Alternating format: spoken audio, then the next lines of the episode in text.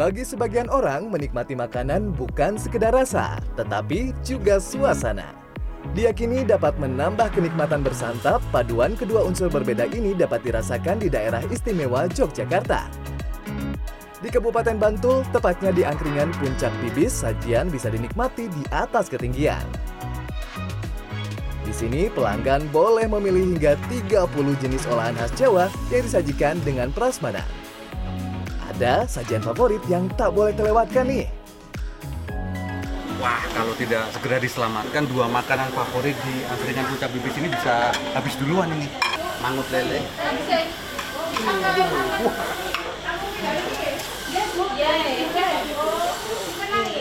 Dan satu lagi, sayur jengkol. Nah, dua makanan favorit ini harus diselamatkan dulu, hasilnya nanti bisa menyusul.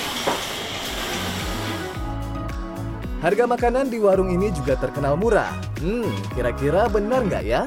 Mari kita buktikan. nasi sayur kita hitung 8.000 Nasi sayur 8.000, Ah, ini 8.000 mangut lelenya 8.000, satu dua ini 6.000 jengkolnya Ah, 6.000. 22.000 nanti untuk nasi sayurnya nggak harus saya sama kenikir aja boleh mau tambah sayur aja apa aja boleh Yang mana aja bu? pilih bebas 8.000 Baik, Pak.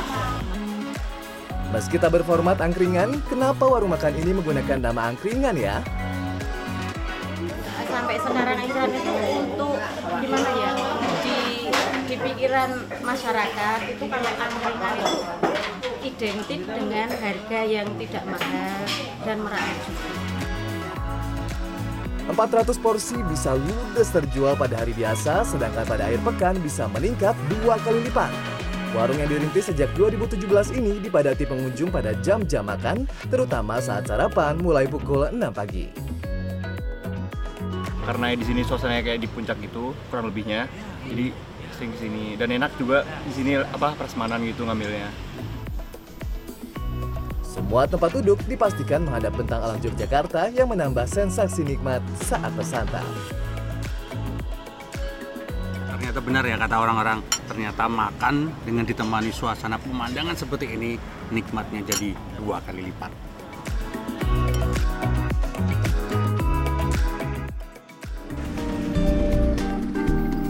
Masih di Bantul, warung makan yang baru buka akhir 2022 ini menyajikan beragam kuliner khas deso atau desa dengan suasana Londo alias Belanda. Warung makan Mbah Jono dahulu dikenal sebagai tempat sunat atau bong supit yang terkenal di Yogyakarta pada era 1990-an. Disulap menjadi rumah makan keluarga, hidangan khas deso tersedia di antaranya bubur lemu sayur lodeh krecek, gudangan, bakmi godok, dan beragam sayuran lain. Ada juga hidangan ala Londo antara lain poverches dan omelet. Salah satu pemilik warung, Iga Mawarni yang juga penyanyi jazz kenamaan era lawas mengaku konsep ini dibuat demi melestarikan benda dan tempat tinggal peninggalan Belanda yang masih utuh.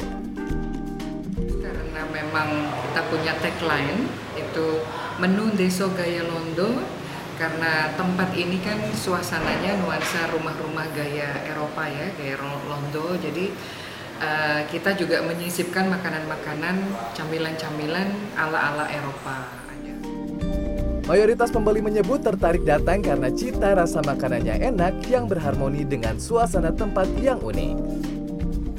sangat tertarik untuk mengunjungi di sini karena juga bangunannya tuh bagus gitu eh, nuansanya nuansa zaman dulu rumah-rumah zaman Belanda terus juga menunya sangat variatif Menikmati beragam hidangan deso ala Londo ini tak membuat Anda harus merogoh kocek dalam-dalam.